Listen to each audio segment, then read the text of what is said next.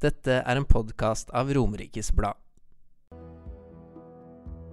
Når jeg starta klinikken, så håpa jeg at det var noe jeg kunne ha som en deltidsinntekt. Jeg så for meg at jeg kanskje kunne jobbe en halv stilling på sykehuset og ta kunder i klinikken på halv tid. Jeg tror aldri jeg kunne se for meg at det kunne bli det det er i dag.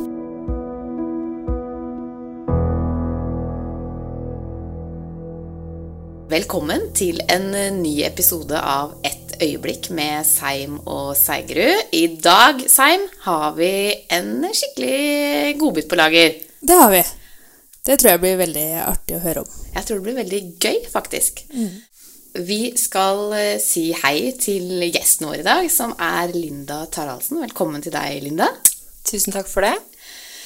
Du, Linda, du har en eh, inspirerende gründerhistorie, egentlig. Eh, du har tørt eh, noe som mange drømmer om, tror jeg, men som alle kanskje ikke tør å prøve på eller satse på.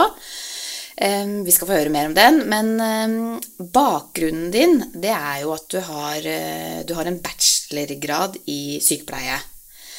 Fortell litt om hva var det du skulle bli og drive med, du? Altså, når jeg begynte på Høgskolen i Akershus i 2007, så tror jeg at jeg tenkte at jeg kunne tenke meg å bli jordmor. Eh, Det var det på en måte som appellerte mest til meg. Eh, Alltid visst at jeg likte å jobbe med mennesker og ville hjelpe folk. Eh, Mens sykepleien pågikk, så tror jeg at jeg kanskje heller tenkte at jeg ville bli anestesisykepleier. At jeg ble kosmetisk sykepleier, det føler jeg er litt tilfeldig. For det var noe jeg valgte etter at jeg fikk barn. Jeg satt i mammapermisjon. Da tenkte jeg at det å jobbe tredelt turnus på sykehus, måtte jobbe hver tredje helg, jul, nyttår, alle helligdager eh, i 100% stilling med barn, det følte jeg ville bli litt for mye for meg. Samtidig som jeg alltid har likt å jobbe, så har jeg alltid også likt å være selvstendig og kunne gjøre litt egne valg og bestemme min egen hverdag. Så da valgte jeg å ta en videreutdannelse mens jeg var i permisjon med, med den eldste datteren min. Eh, Men jeg begynte jo å jobbe på sykehus igjen eh, i 40 etter det, da, mens jeg begynte å starte klinikken min. Fordi når man starter egen eh, bedrift, så tjener man jo ikke noe penger på en stund. Nei, ikke sant. Så det er, det er ikke noe tvil om at du har eh, stått på her, eh, Linda. Og, eh, Men det er jo som du sier, i 2014 så starta du din egen klinikk på Jessheim, Skin-klinikk. Stemmer. Eh, jobba også da eh, 40% som sykepleier på Ahus. eh, barn, små barn hadde du. Jeg hadde ett barn da, Hadde ett barn da. Så fikk jeg ett barn til i 2016. Og da jobba jeg i klinikken til jeg var ni dager på overtid. Eh, og skulle bli satt i gang da elleve dager på overtid, men heldigvis da så prøvde jeg alle kjerringtriks i boka, så den eh, fødselen starta av seg sjæl. Eh, og så fikk jeg jo den eh, babyen, da, og det begynte jeg jo å ta imot kunder igjen veldig raskt etter fødsel, fordi hvis du ikke har noe drift i eh, bedriften din, så, så dør jo markedet ditt litt, da. Ikke sant? Og du må fortelle om reisen, Linda, fordi at ehm, det er jo lett å tenke, ikke sant. Man ser, altså, um, klinikken har jo Det har jo gått veldig bra med klinikken, og du har um, ikke bare en, en klinikk på Jessheim, du har en klinikk i Oslo, du er medeier av en klinikk i Gøteborg, og dere har også åpna filialer i flere andre byer. Uh, Så vi må jo kunne si at dette har gått veldig bra, uh, men det har jo ikke liksom vært eh, det går jo ikke av seg sjæl, dette. Eh, har reisen vært fra du liksom bestemte deg for å bli kosmetisk sykepleier, da, og til eh, der du er i dag?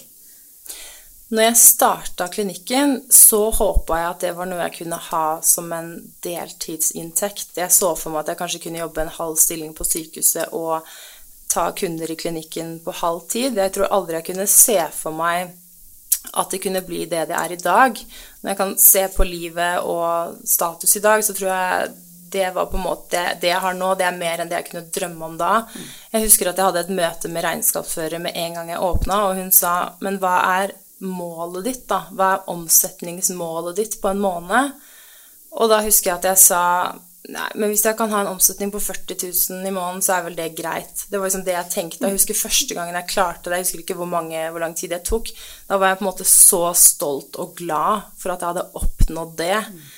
Mens det, virker, det er jo en hel liv siden nå, på en måte. Så den utviklingen har gått gradvis, at man har fått mer og mer å gjøre.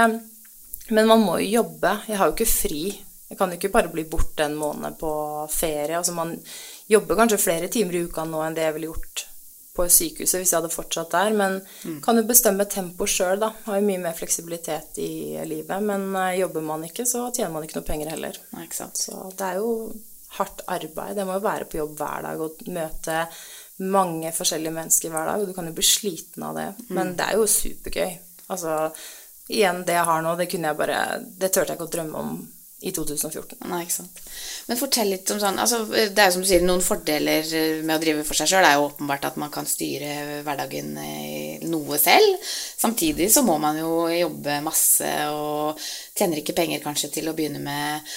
Eh, kan ikke ta ferie når man vil, og så alle disse tingene som du er innpå. Og så i tillegg så har du jo da vært småbarnsmor, og altså, det er jo nesten uforståelig for meg, som er like gammel som deg, eh, og også har to barn, eh, åssen man eh, får det, til, får det til, rett og slett.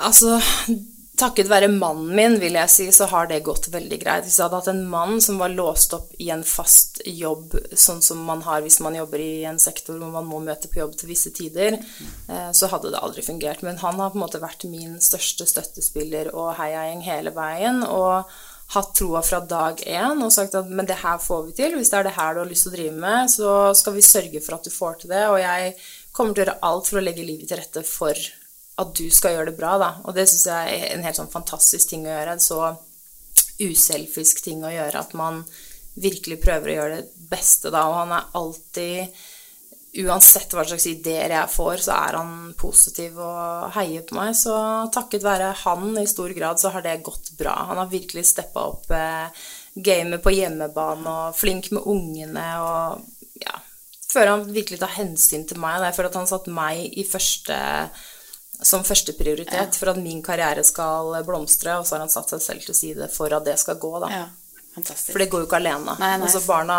krever jo sitt, og det har jo vært tider hvor man har vært så trøtt at man ikke veit helt uh, hvilken planet man er på. Fordi ungene sover jo ikke alltid på natta. Og? Man, er jo, man er jo sliten. Nå er jo ungene store, så nå er det jo Jeg vil ikke si avslappende å være mor, men Da blir det noen gang det. Nei, jeg tror ikke det blir noen gang det. Men det er forskjell på ett og tre versus syv og ti, som de er nå, da. Ja, definitivt. Ja, så nå våkner de ikke på natta lenger. Og nå legger de seg ikke, da. Det er det, det, er det nye problemet. Det er jeg også erfart, nemlig. Ja, det er det nye Litt alenetid på bare, kvelden. åh, I går så trodde jeg begge barna hadde sovet, så tenkte åh, endelig. Og så bare 'Mamma, kan du kile meg på ryggen?' Det var sånn Åh, Nei! du sovna enda! Det er jo nye problemet, da. Ja, Men sant. eh, jeg får i hvert fall sove om natta. Det er det viktigste. Ja.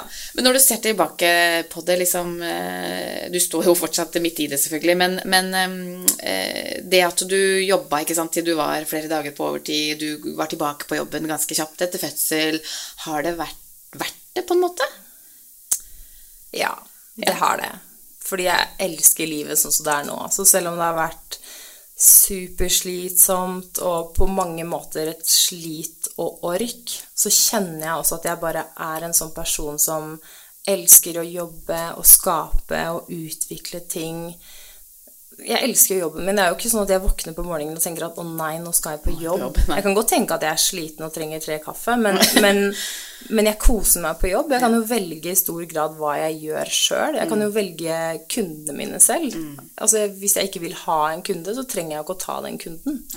Den friheten har man jo ikke hvis man jobber i, på et sykehus. da. Nei. Må på en måte ta de pasientene du får. Ja, definitivt. Ja. Vi skal komme litt tilbake til hva det er du egentlig driver med på jobb, eh, Linda. Men, men du er jo, går jo litt sånn mot eh, strømmen her, egentlig, hvis eh, det, man kan bruke det uttrykket. Fordi det er jo egentlig veldig få gründere som lykkes eh, når de starter en ny bedrift, og, og enda færre kvinnelige gründere. Eh, hva er det du tror er årsaken til at du har fått det til? Skapt arbeidsplass for deg sjøl og mange andre òg? Jeg tror du må bare finne en ting du er skikkelig god på, og som det kan finnes et marked for. Jeg tror altfor mange gir opp veldig fort, og så tror jeg det er mange som ikke forstår helt hva det krever av deg å drive din egen bedrift. Jeg tror mange ser på suksesshistorier og tenker det har jeg også lyst til, men de vet kanskje ikke helt hva det innebærer, og hva du må ofre for å få det til, da. Så jeg tror det er eh, altfor mange som starter opp med en idé om at det er enklere enn man tror, og at man bare starter en bedrift og begynner å tjene penger, at man ikke forstår at det krever alt du har og litt til, da. Pluss at hvis du ikke sitter veldig godt i det fra før av, så må du jo ha deg en, en annen jobb også. Så Men hva tenkte du selv da, på en måte, da du, da du på en måte bestemte deg for å gå inn? Visste du, visste du hva du hadde i vente? Nei, absolutt ikke. Den veien har blitt til mens man har gått. Man har jo selvfølgelig hatt drømmer og tanker om hva man kunne fått til, men jeg tror man bare har bygget det stein for stein, og så tenker man på en måte at man har nådd et slags toppunkt, da. For jeg tenker det kan ikke bli bedre enn det her. Men det trenger jeg ikke at det blir heller. Altså, jeg er kjempefornøyd. Jeg har ikke noen ambisjoner om å på en måte starte en sånn enorm klinikkjede. Jeg vil at eh, klinikkene skal være personlig drevet, da. Så eh, jeg er egentlig superfornøyd. Jeg har fått til alt jeg ville ha, og, og mer enn det. Så jeg er happy med det. Jeg lener meg litt tilbake på det, egentlig. Koser meg med det. Ja, det er så Ja. bra. Ja. Det høres ut som det er fortjent. Eh, Men eh, du er jo da kosmetisk sykepleier. Hva er det du driver med, Linda, på jobb? Litt forskjellig. Jeg møter jo si i snitt mellom 20-25 forskjellige mennesker i løpet av en dag. Og det er jo alt fra at folk har problemer med huden sin, kanskje de har mye akne. Da hender det jo at jeg henviser til hudlege hvis det er al alvorlig akne som krever medisinsk behandling. Eh, mens noen kanskje har mer, mindre alvorlig akne, da, hvor man kan kanskje løse det med, med noen behandlinger som vi kan ha, eller noen produkter. Eh, og så er det jo kanskje noen som kommer og gnisser tenner. Eh, Da har man jo et medikament man kan injisere inn i tyggemuskelen f.eks. Eller noen har ja, plages med overdreven svett under armene. Det kan man også sette legemidler for å, å redusere. Noen ønsker jo rett og slett skjønnhetsbehandling i form av injeksjoner med filler. Det kan vi også gjøre. Eh, Mens andre vil ja, kanskje jobbe litt med arr, noen har pigmenter i huden. Ja, alle mulige forskjellige problemstillinger egentlig i løpet av en dag. Det er ikke én kunde som går igjen hele dagen som vil ha det samme. Jeg gjør alltid forskjellige ting i løpet av en dag. Og med så mange forskjellige behandlinger, da, eller tilbud, eh, så er det kanskje veldig mange forskjellige personer også. Det er alle mulige folk fra alle mulige samfunnslag, hvis man kan si det. Jeg starta og tenkte at min type kunde er en voksen kvinne som er eh, superforfengelig, eller at det er veldig unge jenter som bare vil ha ekstreme resultater, store lepper og høye kinnbein. Det var kanskje min fordom også selv før jeg begynte. Jeg hadde jo aldri prøvd noen sånne ting før jeg i det hele tatt hoppa i det. Eh, Men så ser jeg jo ganske fort at de som oppsøker klinikken, er jo alle mulige slags mennesker. Jeg har jo menn i alle aldre som plages av forskjellige ting. Noen menn kommer også for rene skjønnhetsbehandlinger. Jeg tror det har blitt litt mer stureint at menn også har lyst til å ta vare på seg sjøl, og opplever veldig sjelden at noen vil ha det man kaller fake resultater. Heldigvis de aller fleste kundene mine har realistiske forventninger og ønsker på en måte bare å se ut som en bedre utgave av seg selv. Jeg har ikke de eh, ekstreme kundene. De, jeg tror ikke min klinikk appellerer til de. Og de kundene som kommer inn og har helt ekstreme resultater, kan man kanskje si, fra andre, de er jo ofte ikke de kundene jeg ønsker å jobbe videre på, for det er ikke det jeg har lyst til å stå for, da. Eller, eh, eller på en måte markedsføre. Man markedsfører jo ikke, men fornøyde kunder som man syns man har gjort en god jobb på sjøl, er jo den beste markedsføringen du kan få. Ja, klart det. Sant? Men sier du nei, nei innimellom? Daglig basis. Ja, ja. Jeg sier ofte nei, eh, fordi jeg kjenner at jeg kan ikke gå og legge meg på kvelden og føle at dette er jeg fornøyd med. Dette føles greit for meg. Så for min del så har jeg mine standarder for hva jeg syns er ok, hva jeg kan stå inne for, og hva jeg kan på en måte si at dette har jeg gjort, og det er jeg fornøyd med. Og jeg respekterer at man har forskjellig stil, og at noen liker litt mer voldsom look enn andre. Det er greit opp til et visst punkt, men hvis man skjønner at dette er en person som lider av det man kan kalle en kroppsdysmorfobi, altså at man på en måte har et helt urealistisk bilde av hvordan man ser ut selv, og det er jo en reell sykdom noen har, at de ser en person i speilet som ikke er den vi andre ser, og de må man jo henvise til profesjonell hjelp, for de har jo et helt forvrengt kroppsbilde. Mm. Så de uh, sier jeg jo nei til. For jeg har ikke lyst til å bygge opp under deres sykdom, da. For det er det det er. Ja, ikke sant.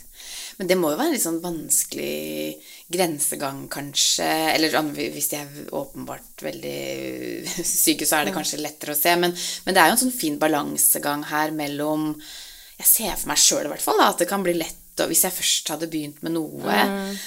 så da må jeg jo ta det, og så må jeg ta det, og så, så blir man litt sånn blind for eh, man er blind for hvordan man egentlig ser ut til slutt, da, eller hva som er pent og ikke pent, eller hva noen det måtte være. Absolutt. Og noen eh, blir jo veldig bitt av basillen, og da hender det jo jeg sier sånn Du, nå vil jeg ikke se deg på tre måneder, eh, for nå har du fått nok. Sant? Fordi man bare Jeg tror mange syns det er tungt å ta det første skrittet og gjøre en sånn type behandling, og veldig mange starter første time med å si jeg trodde aldri jeg skulle være en sånn person som skulle sitte på et sånt her sted. Og så, Det er sånn jeg er, da. ja, og da sier jeg, men hvordan tror du en person som pleier å sitte her, ser ut? Og da eh, de, forteller de ofte om en slags karikaturtegning, eh, som jeg kan forstå at de tenker. Men jeg da forklarer at her er det, dette er for alle. Og det er ikke sånn at du kommer inn hit, og at jeg kaster meg over deg med alle sprøytene jeg har, og så går du ut herfra og ser ut som en karikaturtegning. Det er absolutt ikke sånn man jobber. Så derfor så pleier jeg å si til alle kom på en konsultasjon, så prater vi litt sammen, og så forteller jeg deg hva vi kan gjøre, hva som ikke er realistisk. Jeg kan vise deg litt bilder jeg har liggende i klinikken, så du kan få en idé om hva som er mulig å få til. Og så tenker du litt på det, og så booker du en time hvis du kjenner at dette har jeg lyst til å prøve. Sant? Men så må man også stoppe de, da, når du skjønner at nå, nå har det blitt for mye. For man må jo ta litt hensyn til hvordan man opprinnelig ser ut, og hvor gammel man er. og Ja. tenke, Jeg har jo en datter på ti. Jeg har jo ikke lyst til at hun skal tenke at mamma hun så helt gæren ut. Jeg har ikke lyst til det. Så jo, men det er, det er ikke tull engang. Jeg, jeg prøver å tenke på det veldig ofte, og hun sa, hun sa til meg i sommer vi var innom Sephora når vi var i Luxembourg, og så sier hun hun så en reklameplakat da, inne på Sephora av en dame med store røde lepper, og så sier hun eh, mamma, hun der, hun hadde veldig jeg lurer på om hun sa 'juicy lips' eller et eller annet. Du vet, barn og disse uttrykkene Ja. sine. Så sa jeg ja, men det, hun hadde jo en veldig sånn glossy leppestift, da. Og så ser hun på meg, og så sier hun 'Mamma, du har jo også veldig sånn fine lepper, egentlig, da'. «Eh, ja, takk. Hun bare 'Tror du jeg arver det?'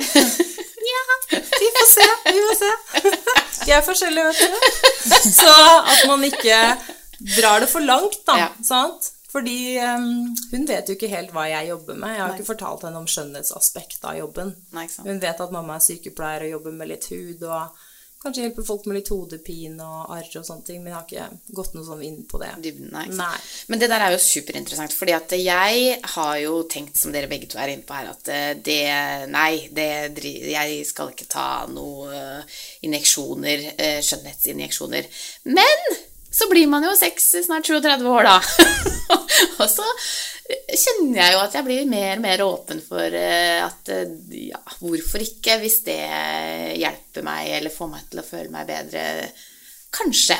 Ute. Jeg er ikke, jeg er ikke like skeptisk som jeg var eh, for bare noen år siden. Men så kjenner jeg også på det som du er inne på da, Linda, at jeg har jo også to døtre. Og så skal jeg si til dem ja, dere er så flotte, dere må være fornøyd med den dere er, og utseendet spiller ingen rolle, ikke sant? Og så kommer det for en dag da at eh, Men mamma har Botox i panna og fillers i leppene og kinnbeina, jeg vet ikke hvor. Men jeg kjenner litt på den Altså, jeg klarer ikke å lande den der, da. Og det er sikkert mange som kjenner på det samme, kanskje. Jeg vet ikke. Hva tenker du om det? Jeg har tenkt på det samme mange ganger. For på et eller annet tidspunkt så kommer hun jo til å, å skjønne det. Men eh, derfor er jeg opptatt av å holde det på et naturlig nivå. Da, at ikke man ser ut som en helt annen person. Det henger jo bilder hjemme hos oss fra jeg og mannen min gifta oss for elleve år siden. Og da tenker jeg at hvis jeg ser noenlunde sånn ut, bare i eldre versjon, så er det greit. At man ikke gjør noen sånne ekstreme ting. Eh, Men så tenker jeg også at eh, man kan forklare når barna blir litt eldre, da, at når man blir voksen og begynner å eldes, at man da, hvis man ønsker det, kan gjøre noen forandring hvis det er noe man ikke er helt fornøyd med, men at man ikke forandrer på barn eller ungdom eller Men generelt så prøver jeg å ha veldig lite fokus på utseendet hjemme. Jeg kommenterer bevisst ikke hvordan andre ser ut, verken i positiv eller negativ forstand.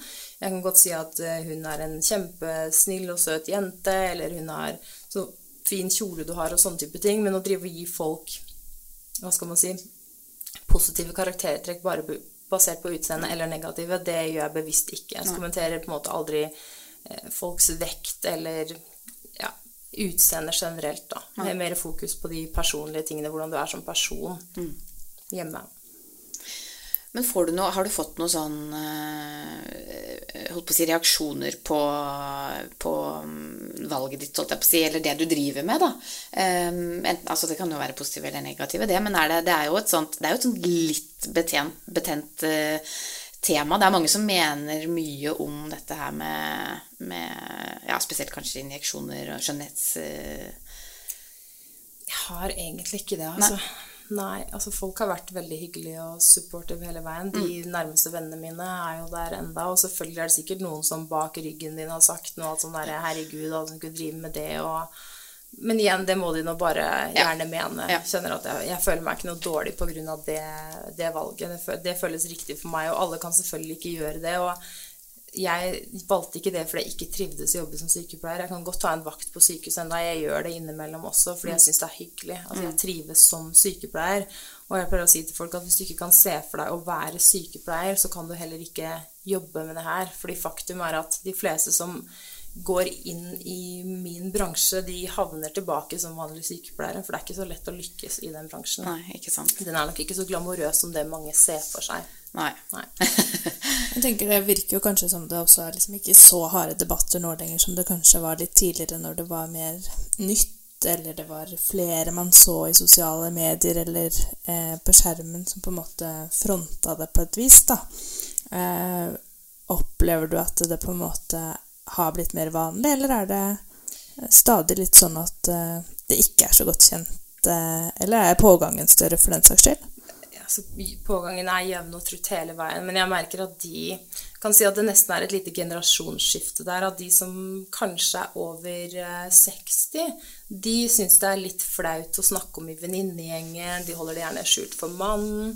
De opplever litt mer stigma og skam rundt det. Og det er ofte fordi mange har gått rundt og sagt 'nei, sånn tøy skal aldri jeg gjøre'. Og så plutselig sitter de der selv. Mens de yngre generasjonene, de har et veldig åpent forhold til dette, og de kommer gjerne og sier at 'jeg kom til deg fordi venninna mi eller naboen min går til deg'. Altså, det er veldig Jeg opplever at folk tør å snakke, Snakke om det. At de ikke syns det er noe flaut lenger. Nei. Og det har jo blitt Jeg syns jeg stadig hører om liksom veldig unge, spesielt jenter kanskje, da, eh, som begynner med liksom eh, Botox forebyggende og gudene veit hva, men som begynner veldig, sånn, veldig tidlig, tidlig med dette her. Ja. Eh, når man kanskje skulle tenke seg, i hvert fall jeg, da, som ikke har veldig mye kunnskap om dette, eh, at, at det ikke var nødvendig ennå, på en måte. Men det er det ikke. Nei, det er det er ikke ikke nødvendig for veldig unge mennesker å ta Botox. Du kan si at man kan godt tenke litt forebyggende, at man godt kan ta det før de dypeste linjene har satt seg. Men hvis det kommer en jente på meg, til meg på 20 år og sier at hun vil ta Botox, da pleier jeg heller å be henne begynne å bruke solkrem og ta litt vare på helsa si, framfor å begynne med Botox. Ja. Men de, de ser på influensere og ser i sosiale medier, og så tenker de at jeg vil gjøre som den personen. Mm. Men da setter jeg jo, selv om jeg på en måte juridisk sett kan gjøre det, så får jo ikke den personen Botox. Da. Det er jo bare tull. Nei, ikke sant. Ja. De finner sikkert noen som er villige til å gjøre det, men det, det går ikke. Nei. Nei. Det du er inne på her, litt sånn eh, mellom spørsmålene, er jo det at eh, Jeg sa jo i stad at eh, jeg var blant de som tenkte at dette skal jeg aldri gjøre, men jeg kan jo egentlig aldri si aldri, selv om jeg tror at det ikke kommer til å skje. Eh, Men jeg kan tro så lenge jeg vil. Eh, Og så er jeg noen år yngre enn dere. Men ikke bare så- vent du, Siri. men ikke så, men ikke så fryktelig mange år. Så det kan jo være at det, det endrer seg. Eh, eller at man rett og slett også, vi som på en måte ikke er blant de aller yngste, også blir påvirka. Eh, for man merker jo det. Man blir jo bombardert av hvordan man skal se ut Ja. der ute. Ikke sant? Og det uten å liksom si at noe er normalt eller ikke normalt, men det eh, normale, da, det å eldes uten å gjøre noe som helst, har jo Det blir jo Altså, det, det blir jo nesten rart etter hvert, i hvert fall hvis eh, Nå har ikke jeg noe tall eller statistikk på hvor mange som eh, eh, tar injeksjoner. Men eh, hvis det er sånn at flere og flere hele tiden gjør det, så vil jo man jo som en 35-åring med rynker være Outsideren. Ja, rett og slett, Ja, ja. Og det, man kan jo godt hende man kommer til det punktet. Ja. Og det, jeg tenker at det er litt trist, da. Ja, se- ser du noe Ja, jeg ser, jeg ser noe negativt med det. Det er jo Mitt mål er i hvert fall ikke at alle skal se like ut. Dessverre så er det litt sånn i noen hva skal man si, utdanningsinstitusjoner innenfor den bransjen her som lærer elever å lage folk litt like. Og det syns jeg er nitrist. Altså At folk må få lov å ha noen unike trekk med ansiktet sitt. Altså om man har litt skeiv nese, så kan jeg synes det er litt sjarmerende. Eller om man tennene er litt skeive. Altså det perfekte er på en måte ikke det jeg nødvendigvis syns er det vakreste. Jeg syns det er veldig trist hvis alle skal se prikk like ut. Og det prøver jeg å bruke litt tid på å snakke med kundene mine om også. At hvis de sier ja, men jeg er litt skeiv i ansiktet, ja, men det er vi alle. Man skal ikke prøve å bli en helt symmetrisk barbiedokke. Det er ikke det som gjør deg fin, da. Nei. Nei. Som er målet. Nei, ikke sant? Nei, det må ikke være målet. Nei, nei, det er et viktig perspektiv. Ja, perspektiv, ja, tenker jeg. Ja. Så ikke overdrive. Sant? Men selvfølgelig, jeg skjønner problemstillingen med at man plutselig, hvis man er den eneste 40-åringen uten Botox og sitter på foreldremøte og bare Ja, eh, hva skjedde her? Hva skjedde her? Ja. Det er jo veldig rart. Det er veldig rart, Og det er klart, når jeg sitter på eh, foreldremøter på skolen, så er det jo klart at jeg registrerer jo ganske kjapt hvem som har gjort det og ikke. Jeg Ja, ser jo det. ser Jeg tror, jeg tror ikke andre ser det, men blikket mitt er jo trent på sånt, ja, så det er klart at jeg ser det. Ja, ikke sant? Altså, du ser det med Ja, jeg ser det ganske kjapt. Eh, Mannen min kan til og med finne på å si eh, sånn der eh, Altså, det er jo helt rart. Man kan si sånn der Hun der, vet du, Linda, hun på jobben, hun burde tatt litt Botox. Ja. sånn, det må du ikke si til henne. Han bare Nei, men du skjønner hva jeg mener, sant? Du skjønner hva jeg mener. Bare sånn, så må du ikke si. Men det lurer jeg også på, fordi når du sitter her med oss nå, eksempel, eller når du møter folk i alle sammenhenger, da, tenker du sånn mm, Liten sånn i sinnarynka der, eller litt uh, smilerynkende, whatever. Tenk, tenker du, Ser du på sånne ting? Noen ganger så Ja. gjør jeg det. Ofte som oftest ikke, men hvis noen har én ting som jeg tenker at dette hadde gjort deg mye penere, så må jeg dessverre innrømme at jeg tenker, Tenker det, Jeg tenker det. Jeg ville aldri sagt det, men jeg, jeg kan selvfølgelig tenke det. Du blir jo yrkesskada. Ja? Klart du blir det. Det verste er egentlig hvis man er på en fest eller en sosial setting, og noen eh, som kanskje er litt berusa, finner ut av hva de jobber med, og så vil de ha en konsultasjon Spør, der og da. Du aner ikke hvor mange ganger jeg har liksom vært på utesteder, og folk kommer bort og bare 'Å, herregud, det er deg, ja. Du, hva ville du gjort med fjeset mitt?' Eh, eh, vær så snill å ikke spørre om det på en do på et utested.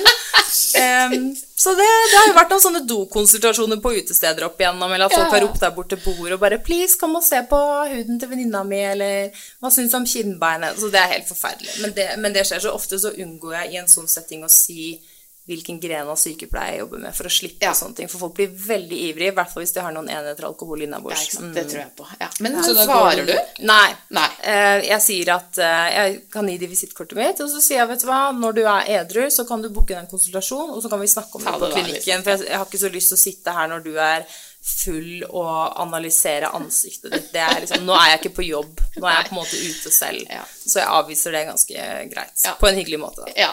Høres fornuftig ut. Ja. Kanskje. Ja, men da veit du i hvert fall at du kan analysere for eget sinn, holdt jeg på å si, uten at eh, noen har bedt om det. Eh, men ikke alltid. Nei. Men jeg, det var morsomt at du tok det opp, Tina, for jeg satt faktisk og tenkte på det noen sekunder før. Bare sånn Har hun tenkt noe om oss nå? Ja. Eller, eller Ikke, ikke svar, Linda. Ikke svar. Nei, men Jeg går jo ikke rundt og tenker på det hele tiden. Det er jo ikke det, Men det er klart når man sitter og prater med noen, så, så sitter jo ofte og prater med folk i en sånn konsultasjonssituasjon. Og det er klart at hjernen min skanner jo da på en måte hva hadde løfta deg til nye høyder. Og det høres også fælt ut, men, jeg, men det er jo det man gjør, da. Jeg skjønner jo det, for så vidt. Altså, vi gjør jo ikke det samme i det hele tatt i vårt yrke, men vi blir jo også trent til det vi skal se. Selvfølgelig. selvfølgelig. En kompis som har- plass i kirurg, han syns det er kjempeslitsomt å møte nye mennesker. fordi han sa det at jeg sitter jo noen ganger ofte og tenker sånn Det hadde blitt fint på deg, eller det hadde blitt fint på deg. Det er bare en yrkesskade man har, da. Ja, ikke sant.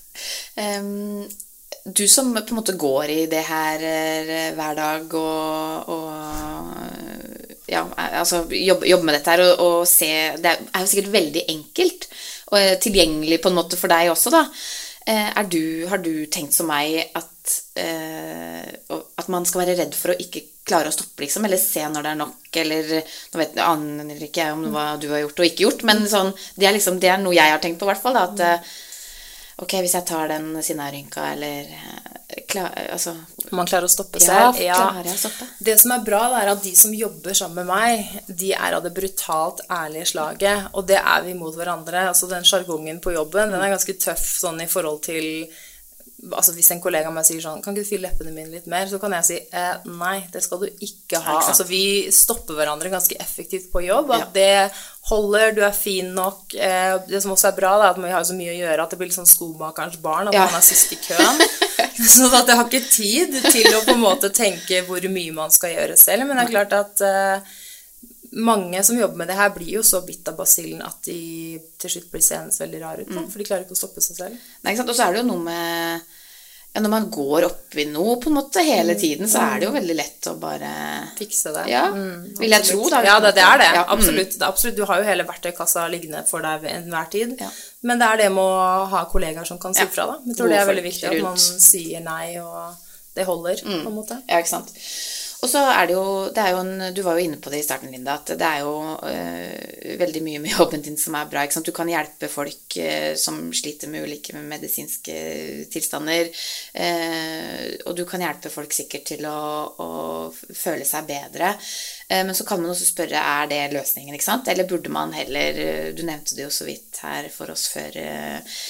Øh, podkasten at eh, eh, mange sier jo sånn Kanskje man heller burde gått til en psykolog. ikke sant? Jobba med selvbilde, selvtillit, eh, sånne type ting. Eh, hva slags tanker gjør du deg rundt det?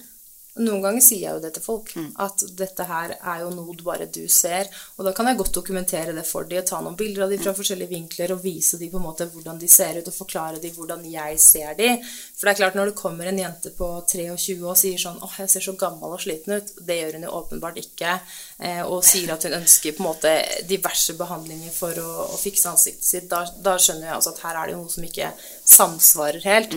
Men hvis det kommer en dame på 40 som sier at jeg føler meg litt dratt og sliten, så er det mer sånn Det kan jeg forstå, fordi aldringsprosessen er jo allerede måte i gang, da, så at man kan da gjøre noen moderate tiltak for å få det til å se, til å se bedre ut. Så man må klare å skille mellom eh, ting som faktisk man kan skjønne folk sliter med, og eh, ting som på en måte bare er mentale ting, da. Mm, ja, ikke sant? Og det blir det jo bedre på. Når du er sykepleier i bunn, så har du jo møtt på disse pasientene i sykehuslivet, og derfor sier jeg til alle som ønsker å gjøre dette her, at du kan godt ha dette som et mål å gjøre til slutt, men jeg anbefaler deg jo noen år på sykehuset først. Jeg er evig takknemlig for de åtte årene jeg hadde på Ahus. For det har lært meg så utrolig mye om forskjellige mennesker. Da, å kunne stå i situasjoner alene og kunne oppleve ting og ha støttespillere rundt seg. For i den bransjen så står du jo stort sett alene på kontoret ditt, og da må du jo greie å selektere ut pasientene du vil ha, og pasientene du ikke burde ha. Da. Mm, ja, ikke sant. Mm.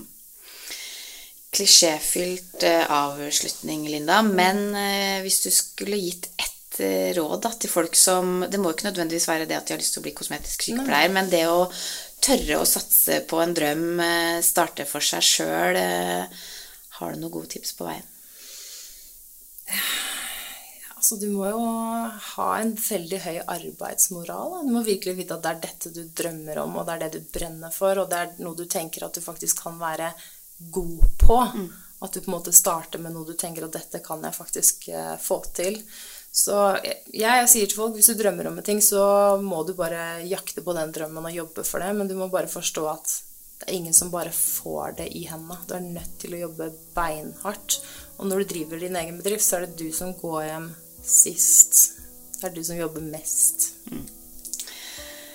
Tusen takk for at du kom og prata med oss, Linda. Bare hyggelig.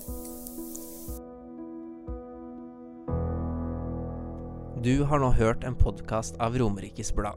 Ansvarlig redaktør er Rune Bernhus.